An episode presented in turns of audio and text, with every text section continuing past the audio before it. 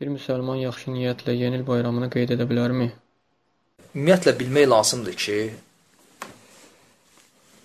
e, yaxşı niyyət səhv əməli düzləmir. Bu qaydadır şəriətdə. Yəni məsələn, mən gedim e, bankdan filan qədər pul götürüm və gedim kiminsə evindən oğurluq eləyim. Niyə elədin? Məscid tikmək istəyirəm. Yəni niyyətim yaxşıdır.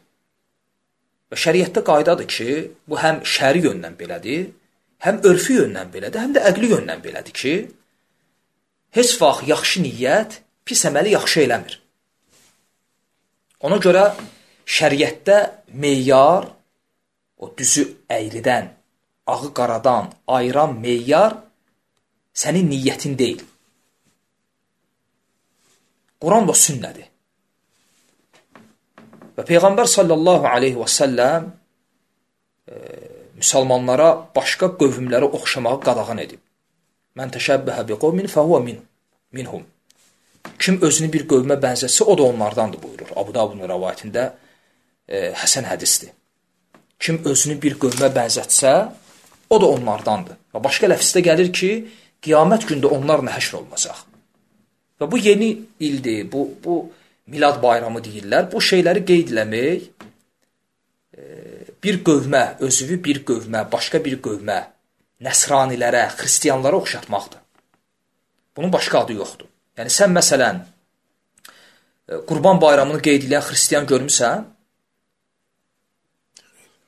E, məsələn görmüsənmi ki, xristian gəlsin Qurban bayramında pəhəpəhlə qurban kəssin? Yox. Amma biz yeni idi qeyd eləyən müsəlmanları görürük. Bu da əslində bizə e, Sovet dövründə sıranmış bir bayramdır.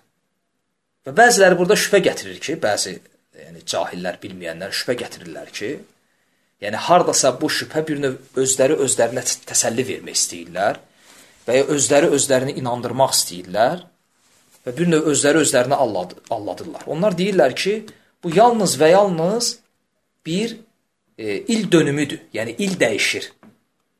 Və lakin fikir verin, yeni ilə nə bayramı deyirlər? Milad. Milad nə deməkdir? Doğum. Milad sözü doğum deməkdir. Milad bayramı, yəni doğum bayramı.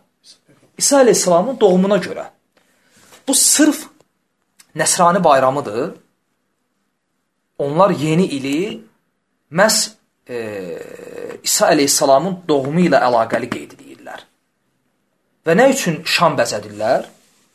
Nə üçün başqa şey eləmirlər? Şam ağacı bəzədirlər. Çünki onlar etiqad eləyirlər ki, İsa əleyhissalam şam ağacının altında doğulub.